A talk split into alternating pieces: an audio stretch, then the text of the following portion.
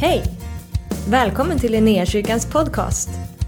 Vi hoppas att det här ordet ska uppmuntra dig, stärka dig i din tro och leda dig in i djupare relation med Jesus.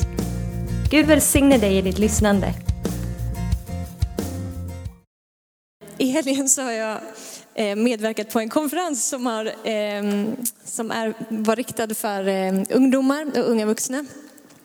Ehm, det är så man märker att man blir gammal, man får bara vara med på dem om man själv har en uppgift att fylla. Ehm, I alla fall, på den här konferensen så var en, ett av momenten en eftermiddag att alla deltagare skulle gå ut på stan och på olika sätt bara visa Guds kärlek för eh, människorna i staden. Och de fick vara lite kreativa i det, men på olika sätt bara älska människor helt enkelt. Ehm, och då så var det ett gäng på tre tjejer som kom tillbaka sen på kvällen och berättade om någonting som hade hänt.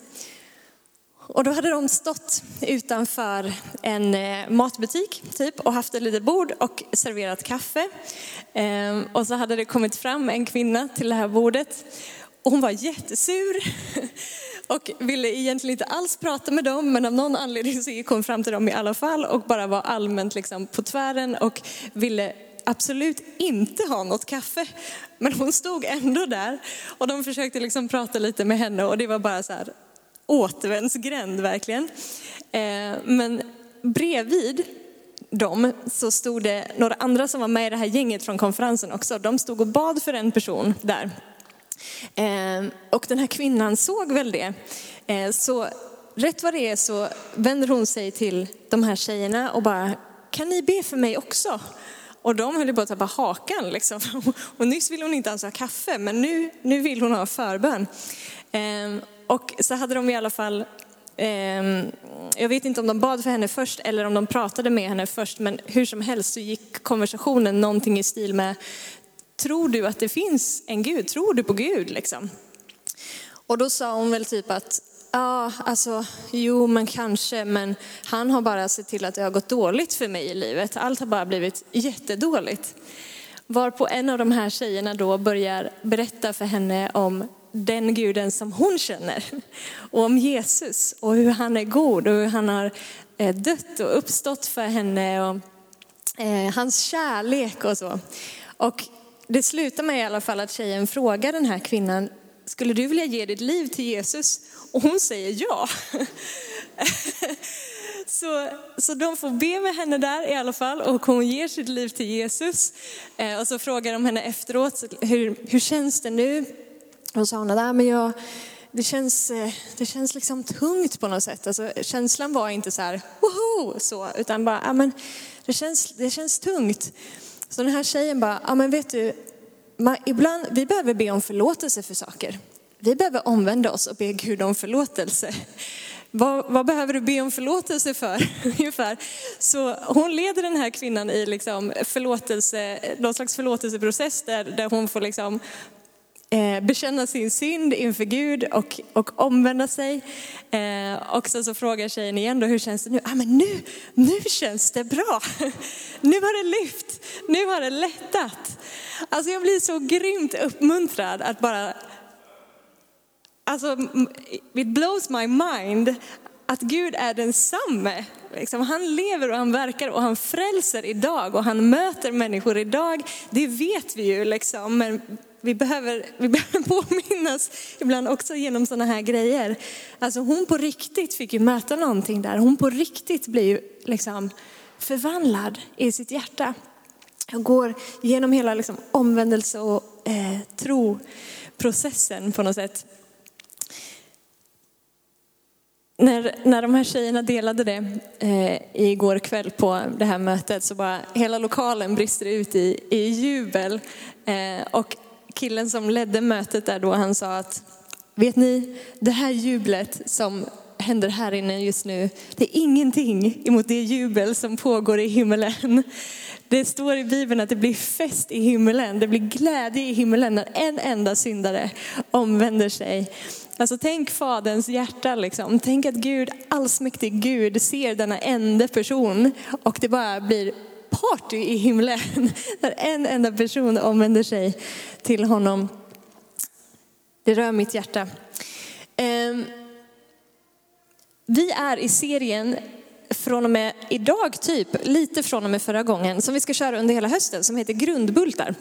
Där vi på något sätt försöker slå an bara liksom vad som är basics i våran tro, ehm, i livet tillsammans med Gud, i efterföljelsen med Jesus. Vad vill vi ska vara liksom pulsen i våra liv? Vad, vad andas i församlingen? Vad är liksom grejer som vi inte kan kompromissa med eller saker som vi vill hålla fast vid, saker som vi vill lyfta högt. Eh, och idag så ska vi röra oss kring det som står där på den lilla vita rutan, mötet med Jesus. Som är det som är hela startskottet in i ett liv i lärjungaskap. Eh, det som är startskottet för det som är efterföljelse. Utan liksom mötet med Jesus så skulle det inte finnas någon församling överhuvudtaget. Ehm, precis som den här kvinnan som fick möta Gud där på det där lilla torget. Hur Gud bara drog i hennes hjärta. Sökte hennes hjärta, visste vart hon befann sig. Bibeln säger att ingen kan komma till Gud om inte Fadern drar i honom. Jesus säger, ingen kan komma till mig om inte Fadern själv drar i honom. Så Fadern har dragit i den där kvinnans hjärta. Fadern har först sökt henne. Gud är den som är initiativtagaren till vår frälsning.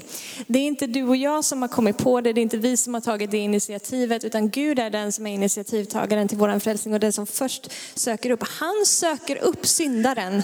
Han, han är inte liksom, han flyr inte bort ifrån från synden i den bemärkelsen, utan vi ser att Jesus drar sig nära syndaren. Han är den som söker relationen. Han är den som har öppnat vägen och gjort det möjligt att få bli försonad med honom, att få kliva in i den här relationen tillsammans med honom igen.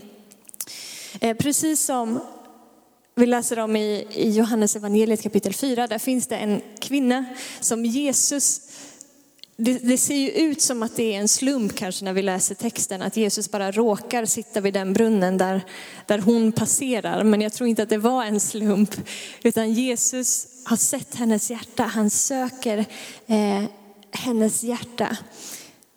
Hon är inte den som har sökt upp honom. Hon är inte den som har liksom sökt relationen med honom i första hand. Men han söker relation med henne. Han söker hennes hjärta och bjuder in henne på plats, till liksom, välkomnar henne in i ett liv i tillbedjan, välkomnar henne in i faderns famn där han säger, här, här får du vara, här kan du få leva ditt liv. Och det som händer är att hennes hjärta blir förvandlat och hon springer tillbaka in i sin stad. Hon berättar för människorna där, jag, jag tror att jag har träffat Messias. Han har, han har sagt mig allt vad jag har gjort. Eh, och det står att många i den där staden kom till tro på grund av hennes ord. Och sen några verser senare så står det, Jesus kommer dit. Och då säger de här människorna efter att ha varit med honom i några dagar att nu tror vi inte bara för kvinnans ords skull, utan nu har vi själva hört dig. Nu har vi själva fått möta dig. Så den här kvinnan på något sätt liksom representerar det som blir hela cykeln i ett naturligt liv för dig och mig som troende. Att vi får möta med Jesus, går tillbaka till någon annan och säger vi har fått möta med Jesus. Och leder dem in i samma möte med denne Jesus. Och deras liv får också bli förvandlade. Gud vill att alla människor ska bli frälsta och lära känna honom. Det är vår övertygelse. Att det är Faderns hjärta och Faderns längtan att välkomna alla människor in i relation med honom. Det står så här i första Timoteus brevet kapitel 2. Kanske vi har den där. Eh, verserna innan där har pratat om att vi ska, vi ska be för människor, vi ska be för våra ledare och sådär. Detta är gott, alltså att vi ber. Eh, för våra ledare. och Så detta är gott och rätt inför Gud, vår frälsare, som vill att alla människor ska bli frälsta och komma till insikt om sanningen. Det är Guds vilja. Därför så tror vi att varenda göteborgare som vi möter, varenda svensk som vi möter har möjligheten att få bli frälst. Det finns liksom ingen som går utanför Faderns hjärta och Faderns längtan att, att möta eller dra i, utan det finns det hoppet för varenda en som vi möter. Det finns frälsning för varenda göteborgare, det finns frälsning för varenda svensk, varenda person som du möter är Faderns längtan.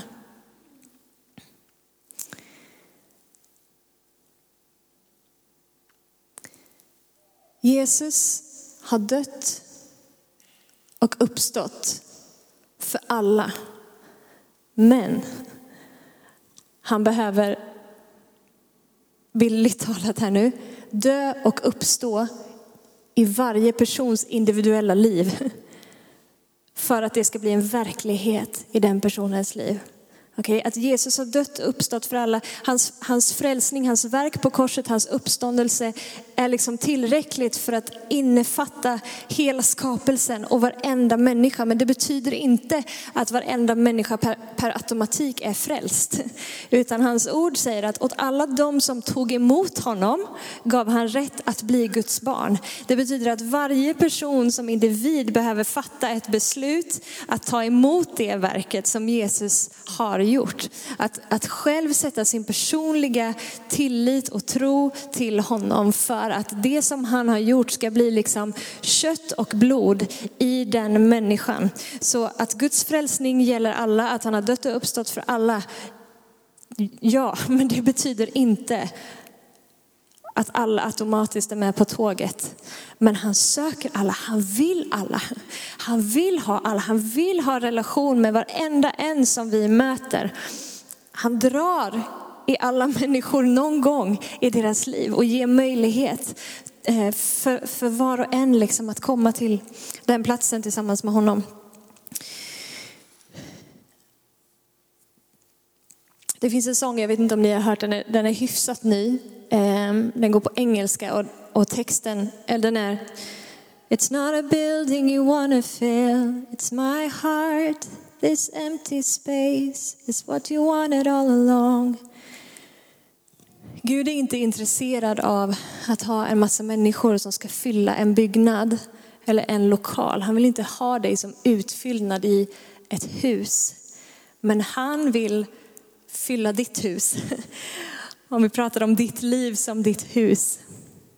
Han vill inte att du bara ska flytta in eller att någon människa bara ska flytta in och bli liksom, uppta en plats på en bänk.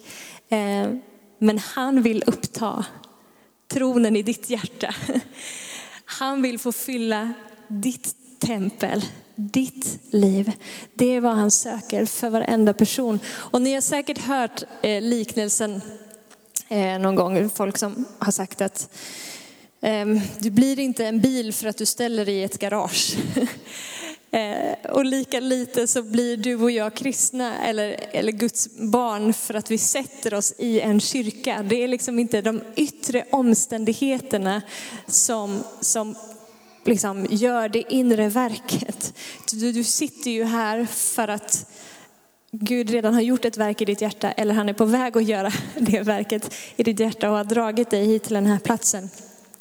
Eh, men så här, vi ska läsa från Johannes kapitel 3. Eh, det här är ett samtal som Jesus har med Nikodemus. Bland fariseerna fanns en man som hette Nikodemus, en av judarnas rådsherrar. Han kom till Jesus en natt och sa, Rabbi, vi vet att du är en lärare som kommer från Gud. Ingen kan göra det tecken som du gör om inte Gud är med honom. Jesus svarade, jag säger dig sanningen, den som inte blir född på nytt kan inte se Guds rike. Nikodemus sa, hur kan en människa bli född när hon är gammal? Hon kan väl inte komma in i moderlivet och födas en gång till? Jesus svarade, jag säger dig sanningen, den som inte blir född av vatten och ande kan inte komma in i Guds rike. Det som är fött av köttet är kött och det som är fött av anden är ande. Var inte förvånade över att jag sa att ni måste födas på nytt. Vinden blåser vart den vill och du hör dess sus, men du vet inte varifrån den kommer eller vart den är på väg. Så är det med var och en som är född av anden. Okej, okay. du och jag behöver bli födda av vatten och ande. Alltså vi behöver bli födda som, som en människa, men vi behöver också bli födda av anden. Du behöver bli född på nytt för att se Guds rike. Eh, och Jesus pratar inte bara, när han pratar om Guds rike, han pratar liksom inte bara om en biljett till himlen, eh, att du ska liksom hamna någon annanstans efter att du dör, utan Guds rike är också någonting som är här och nu. Guds rike är liksom inte en geografisk plats, utan Guds rike är liksom sfären där Jesus är Herre. Där, där Guds vilja sker, där det är Jesu liksom ordning som händer. Det är Guds rike. Eh, och för, för vilken människa som helst att kunna se det som tillhör Gud, att kunna liksom göra sitt inträde i det, så krävs det det här som Jesus pratar om här. Att du behöver bli född på nytt. Alltså det vill säga, din ande behöver få liv genom att den blir försonad med Gud. Din ande behöver få liv genom att du blir förenad med Gud, att du blir ett tillsammans med Gud. Att Gud får ta sin boning på din, på din insida, så att hans liv finns där, så att dina ögon öppnas, så att du kan se eh, det som han ser. Guds rike gör sitt inträde liksom in i, i människans tid och rum, i personen Jesus. Så jag tar mitt vatten här bara. Guds rike gör sitt inträde i personen Jesus. Och du och jag gör vårt inträde i Guds rike genom personen Jesus. Kan, det finns ingen annan väg för oss in i Guds rike än genom Jesus. Jesus säger själv, jag är vägen, sanningen och livet. Och ingen kommer till Fadern utom genom mig. Det finns inte massa vägar till Gud. Det finns en väg till Gud och det är genom Jesus. Och bara genom honom och genom att ta emot honom som Herre i våra liv så får vi tillträde till det som hör till Gud och hans rike. Vi kan liksom inte enjoy the benefits i Guds rike utanför Gud, utan bara i Gud, bara i och genom personen Jesus. Eh, vi ska läsa från eh, Markus kapitel 1. Står det så här i vers 14 och 15. Efter att Johannes hade blivit fängslad kom Jesus till Galileen och förkunnade Guds evangelium. Han sa, tiden är inne och Guds rike är nära. Omvänd er och tro på evangeliet. Så hur blir man född på nytt? Det som vi precis läste från Johannes. Jag vet att det här är basics för många av oss, men vi vill ändå lyfta det här för att det är inte självklart för alla och vi vill liksom slå ner pålarna liksom i att det här är vad vi tror. Det här är liksom Så här upplever vi att Bibeln säger att det är helt enkelt. Eh, hur blir man född på nytt? Alltså hur, hur, hur blir man född av ande? Jo, genom omvändelse och tro.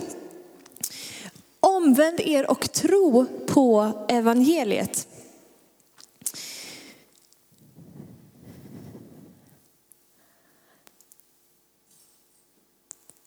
Får jag säga någonting bara om, om omvändelse och tro? Vi kan inte omvända oss om inte Guds nåd först har verkat på ditt och mitt liv. Om inte Gud först liksom hade vidrört våra hjärtan så hade vi inte kunnat omvända oss och gå till honom. Till och med omvändelsen är liksom en, en gåva eller ett, ett verk av hans nåd i dig och mig. Den här kvinnan som blev frälst där på det där torget eh, igår, Gud hade dragit i henne, Gud hade verkat på hennes liv som gjorde att helt plötsligt så liksom dras rullgardinen upp för hennes ögon och hon inser liksom, genom den här tjejens ord också att jag behöver syndernas förlåtelse. Jag är en syndare, jag behöver, jag behöver vända om ifrån det här. Jag behöver en frälsare, jag kan inte befria mig själv, jag kan inte frälsa mig själv, jag kan inte lyfta mig själv ifrån den här platsen. Hon, hon kan inte, vi kan inte ta oss uppenbarelser, vi kan inte ta oss någonting i Guds rike, men det, det, blir, det blir oss givet av nåd. Så Gud har först verkat på hennes hjärta. Eh, Romarbrevet kapitel 2 och vers 4 säger att det är Guds godhet som för oss till omvändelse. Det är inte, det är inte liksom anklagelse eller fördömelse som får en människa att vilja omvända sig. En röst av anklagelse eller fördömelse min erfarenhet är att det bara tenderar att liksom cementera en människa i känslan av ett miserabelt tillstånd. Och att man kanske liksom på sin höjd försöker liksom piska sig själv in i någon slags bättre, bättre livsstil. Liksom. Man polerar lite på ytan eller sådär. Men Guds godhet för oss till omvändelse. Det finns ingenting i mitt liv som har fött så mycket känsla av att jag, jag vill leva enligt Guds vilja. Som de gånger som jag har fått titta in i Jesus kärleksfulla ögon. Fått möta med honom som älskar villkorslöst. Fått möta med honom som har så mycket nåd och så mycket kärlek trots det jag bär på i mitt liv. Trots hur jag än har schabblat till det, men när den där blicken möter mig i det tillståndet så får det mig att bara, jag vill ingenting annat än att bara lämna allt det gamla och följa dig. Alltså vad är det med människor som vi läser om i, i Bibeln? Vad är det med den Jesus som gör att folk bara släpper allt och bara jag gick hitåt förut men nu, nu går jag hitåt. It makes no sense men nu går jag hitåt. Det är den kärleken som finns hos honom. Den, den nåden som fångar in våra hjärtan, som, som drar i våra hjärtan. Det får mig att vilja följa, inte min egen väg men den vägen som han vill att jag ska gå tillsammans med honom.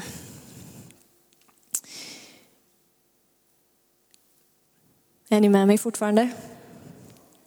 På den här ungdomskonferensen som jag var på så jag kan, jag kan eh, identifiera mig lite med tonåringarna ibland för att de har ju ett koncentrationsspann på ungefär nio och en halv sekund och det har, har ju jag också ibland så man får ställa sig upp och göra lite huvud, axlar, knä och tå sådär med jämna mellanrum för att de ska vakna till. Ni ser inte så pepp ut på att göra huvud, axlar, knä och tå. Inför Gud är vi alla lika. Eh, när det kommer till frälsningen så har vi samma förutsättningar. I bemärkelsen att Gud har inte hänseende till person. Eh, och Romarbrevet säger att vi har alla syndat och gått miste om Guds härlighet. Ingen är undantagen ifrån det. Alla har syndat och gått miste om Guds härlighet. Och så här eh, läser vi från Apostlagärningarna när den helige ande har fallit på pingstdagen, eh, lärjungarna är ute och eh, pratar tungomål eh, och det samlar en stor folkskara människor och Petrus håller sin eh, pingstpredikan och vittnar om Jesus. Och när folket har hört det här så står det så här. När de hörde detta högg det till i hjärtat på dem och de frågade Petrus och de andra apostlarna, bröder, vad ska vi göra? Petrus svarade dem, omvänd er och låt er alla döpas i Jesu Kristi namn så att era synder blir förlåtna. Då får ni den helige ande som gåva. Så vad är liksom den rimliga responsen på när vi hör evangeliet förkunnas och en, en person som kanske hör det för första gången. Vad är det Gud säger att vi ska göra som ett gensvar på det budskap att Jesus har dött och uppstått för våran skull för att kunna ge oss nytt liv? Jo, omvänd oss. Låta oss döpas så att era synder blir förlåtna. Då får ni den helige ande som gåva. Vi behöver, vi behöver alla syndernas förlåtelse. Det spelar liksom ingen roll om vi eh, är uppvuxna i kyrkan eller om vi har liksom levt ett liv helt utanför i, liksom rakt motsatta förhållanden. Ehm, din, din och min liksom välpolerade yta har ingen som helst betydelse om inte vi har sagt ja till Jesus i våra hjärtan. Om inte det har fått ske ett verk av förvandling här, där vi liksom har insett vårt beroende av en frälsare. Insett vårt behov av att det finns någon som kommer, kommer och löser mig ifrån syndens eh, band ifrån syndens makt. Jag kan inte lyfta mig själv därifrån hur fint jag än har levt. Hur många liksom pluspoäng jag själv tycker att jag har för att jag har läst Bibeln si och så här mycket eller eh, jag har liksom varit si och så här generös i mitt liv. Jag kan fortfarande inte befria mig själv ifrån syndens makt. Det är bara Jesus som kan det och därför så behöver jag honom som min frälsare. Så inför Gud så är vi alla lika i den bemärkelsen. Vi lägger inte till. Jag vet att ingen här inne tänker så. Jag gissar att ingen här inne tänker så. Eh, vi lägger liksom inte bara till Jesus i våra liv för att få det lite gött. Att det är liksom, jag lever mitt liv och så får jag lite så plusmeny för att jag också har Jesus. Och jag tänker så här, jag, behöver, jag kan ju behöva lite glädje i livet, jag kan ju behöva lite frid i livet. Så därför så bara kan jag ha Jesus lite så här vid sidan av och typ välkomna honom lite ibland när jag vill. Det är, inte, det är liksom inte det som är dealen från Gud, utan kallelsen in i lärjungaskap. När Jesus säger, Omvänd dig och följ mig. Omvänd dig och sätt din tro till evangelium. Kallelsen in i lärjungaskap är en kallelse att dö bort ifrån mig själv. Det är en kallelse att lägga ner mitt eget ego. Det är en kallelse att ge upp herraväldet om mitt eget liv. Det är en kallelse att lägga ner min egen stolthet, att, att lägga ner liksom behovet av att ha kontroll och ha stafettpinnen själv och ge upp och bara surrender. Kapitulera inför honom. Matteus kapitel 10 säger så här, den som finner sitt liv ska mista det, men den som mister sitt liv för min skull ska finna det. Omvänd dig och tro. Kom och följ mig. Låt mig föda dig på nytt. Den vägen, att välja den smala vägen,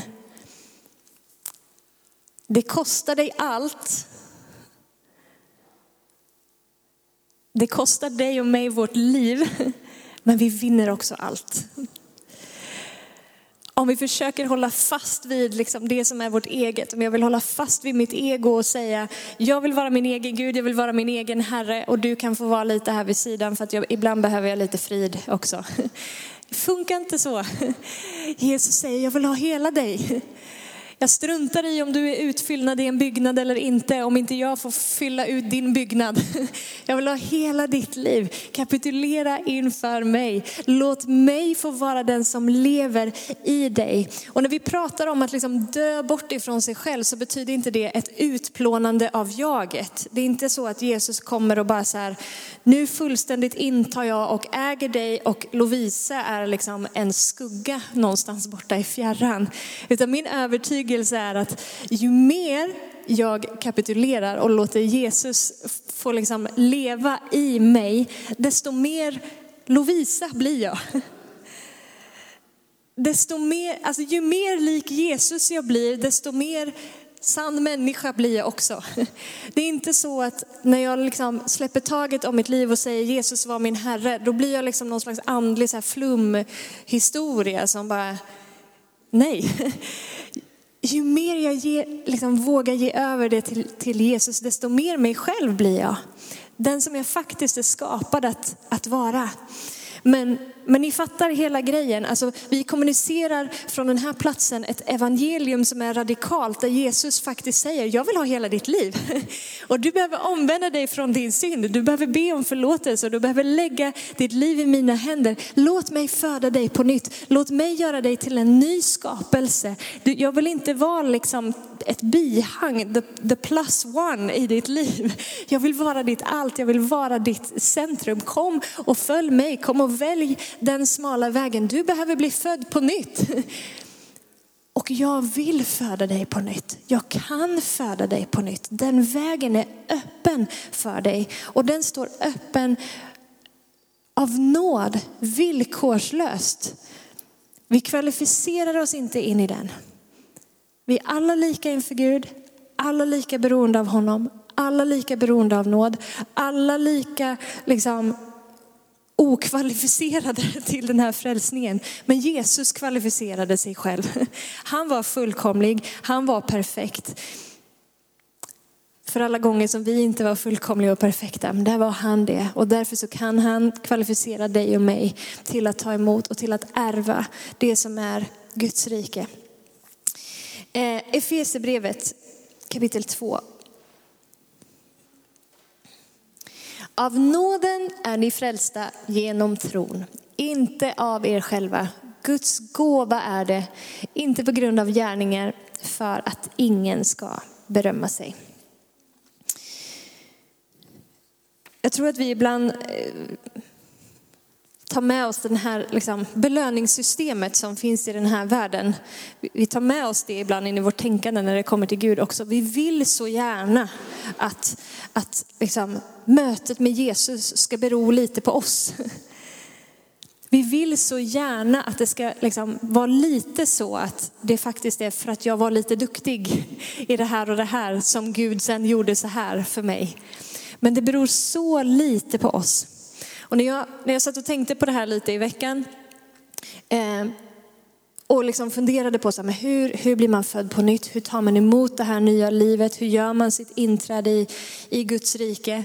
Så tänkte jag på orden som, eh, som Jesus säger om sig själv när han i Lukas kapitel 4 citerar Jesaja kapitel 61.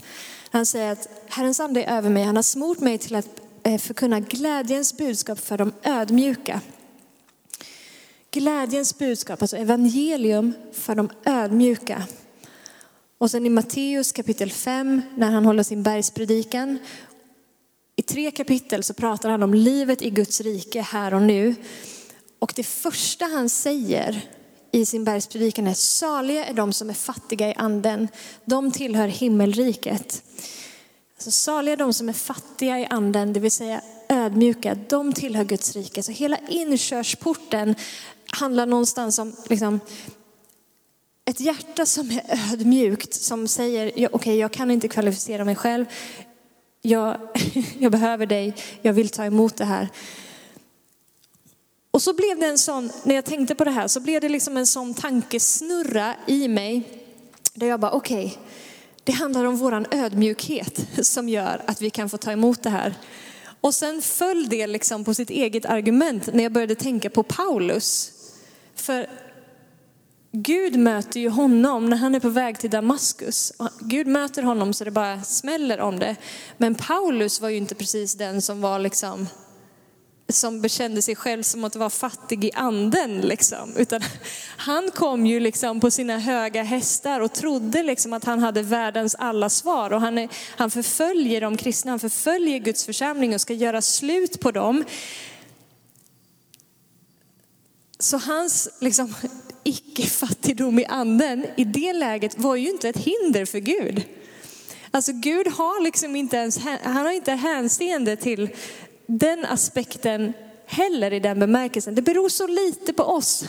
Det beror så lite på liksom, hur vi kvalificerar oss och, och liksom, hur, hur bra vi är på att ta emot någonting eller hur fina och ödmjuka vi är. Det beror så mycket på Gud. Och hans nåd liksom vida överskrider vad vi kan få in och omfamna, och omfatta i, i våra sinnen. Liksom. Och den här nåden för vårt ibland kanske lite religiösa tänkande eller för vårt kött så är den anstötlig. Gud, hur kan du liksom, hur kan du möta den här personen på det sättet? Den har ju inte ens sökt dig och här har jag sökt dig liksom i sju år och jag upplever inte att jag får något möte med dig. Och så blir det liksom lite så här, men jag, liksom, ser inte du vad jag har gjort? Ser du inte hur liksom, fint jag har betett mig här och hur mycket jag har försökt? Och här får den här personen fritt och förintet som liksom inte överhuvudtaget ens har brytt sig om dig, bara värsta livsförvandlande mötet. Det blir lite jobbigt liksom för, för vårt kött och för liksom ett religiöst sinne eller så. Vi tycker liksom inte att nåden är rättvis. Och enligt vårt tänkande och belöningssystem så är den kanske inte det. Men i Guds logik så är den det. För liksom, ärligt talat, om Gud skulle vara rättvis med våra mått mätt, då skulle ju ingen här inne vara frälst. Alltså det skulle vara rätt så kört för hela bunten här inne. Men i hans logik så är nåden rättvis, för vi är alla lika oförtjänta av den. Vi kan alla lika lite kvalificera oss. Men lika mycket vill han kvalificera dig och mig. Genom att ge sig själv. Fritt och förintet.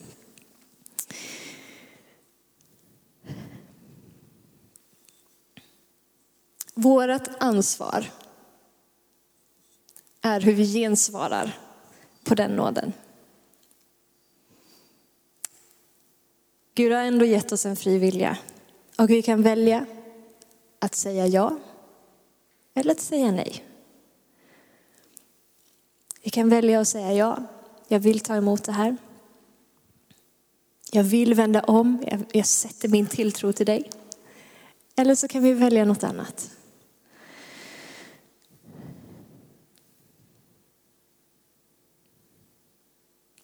Romarbrevet kapitel 10 och vers 9 till 10 säger så här. Om du därför med din mun bekänner att Jesus är Herren och i ditt hjärta tror att Gud har uppväckt honom från de döda ska du bli frälst. Med hjärtat tror man och blir rättfärdig och med munnen bekänner man och blir frälst. Om du med din mun bekänner att Jesus är Herren och i ditt hjärta tror att Gud har uppväckt honom ifrån de döda, då ska du bli frälst. Det evangelium som vi förkunnar om Jesu död och Jesu uppståndelse är inte bara liksom något, något andligt flummigt, utan det är också väldigt, väldigt konkret och fysiskt och påtagligt. Vi tror att Jesus har uppstått fysiskt ifrån de döda.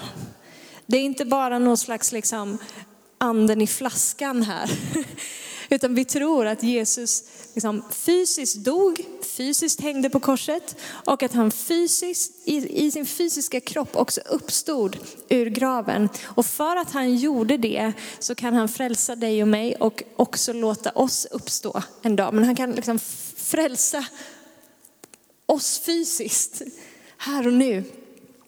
Lika lite som evangelium bara är liksom något skulle vara något andligt flummigt så är det inte heller bara någonting som är intellektuellt. Det är inte, det är inte liksom fin moral och etik som vi predikar. Det är inte bara lite goda värderingar som vi predikar som hjälper dig och mig att leva lite mer liksom välpolerat och generöst eller, eller så. Utan livet med Gud, det är en, en andlig verklighet. Jesus är på riktigt. Jesus är på riktigt här och nu. Han är densamme igår och idag och i evighet. Och han har på riktigt dött och uppstått för att lösa dig och mig ifrån syndens makt. För att ropa ut frihet för dig och mig. Frihet ifrån fångenskap, frihet ifrån det slaveri som syndens eh, makt faktiskt innebär för oss.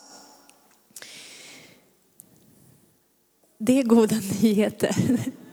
Att han har kommit för att göra den fångne fri.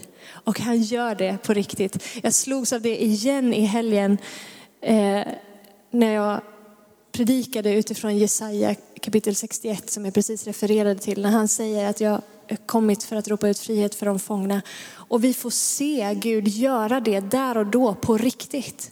Alltså människor som bara säger Gud jag vill ha det här. Och hur han löser dem ifrån liksom bundenhet av olika slag.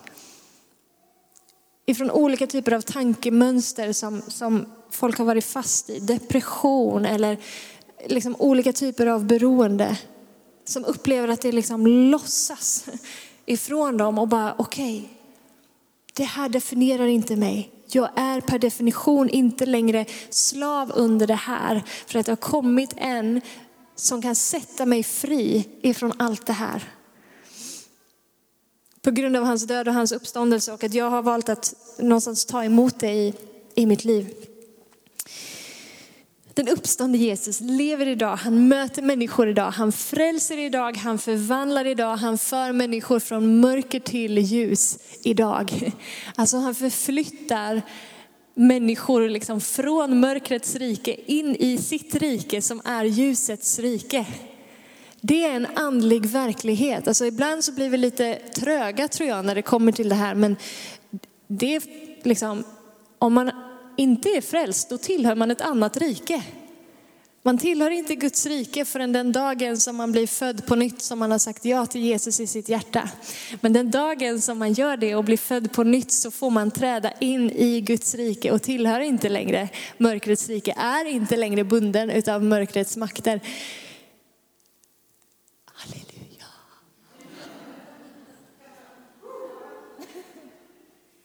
Alltså på riktigt, den här Jesus är hoppet för vår värld.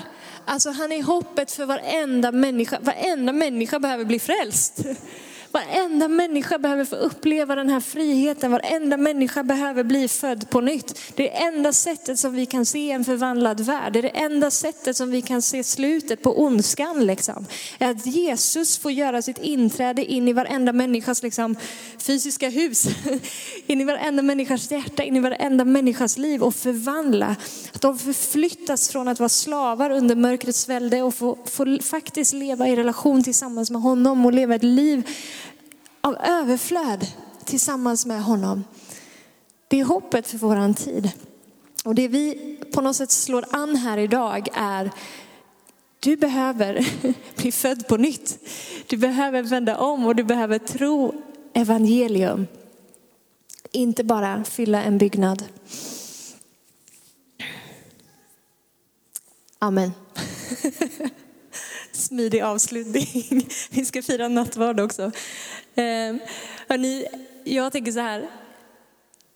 Jag, eh, jag känner de flesta av er men inte alla och jag vill inte ta för givet att alla som befinner sig här inne just nu eller den som eventuellt lyssnar på det här vid ett senare tillfälle eh, har tagit emot Jesus i sitt liv. Eh, så jag vill inte stänga ner den här gudstjänsten eller den här predikan utan att ge den möjligheten att få gensvara eh, och att faktiskt ge ditt liv till Jesus eh, och låta honom vara din Herre och låta honom få föda dig på nytt. Låta honom få liksom, föra dig från mörkrets välde in i sitt underbara ljus. Ehm, så jag tänker att vi ska be en en frälsningsbön tillsammans och har du redan bett den här förut och är frälst så får du be med igen för att hjälpa den som eventuellt ber den för första gången. Ehm, jag ber före och så ber vi efter. Ska vi ställa oss upp tillsammans?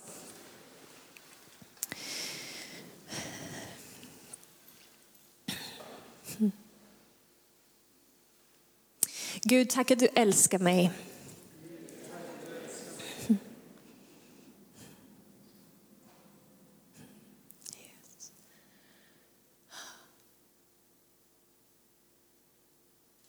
Jesus, jag tror att du har dött och uppstått för mig.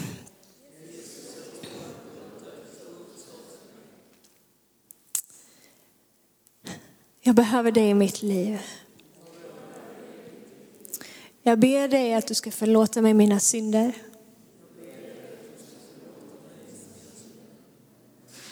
Jag tar emot din förlåtelse nu. Tack att du tvättar mig ren. Välkommen att vara min Herre och Gud. Jag vill följa dig. Tack att jag får vara ditt barn nu. I Jesu namn, Amen. Amen.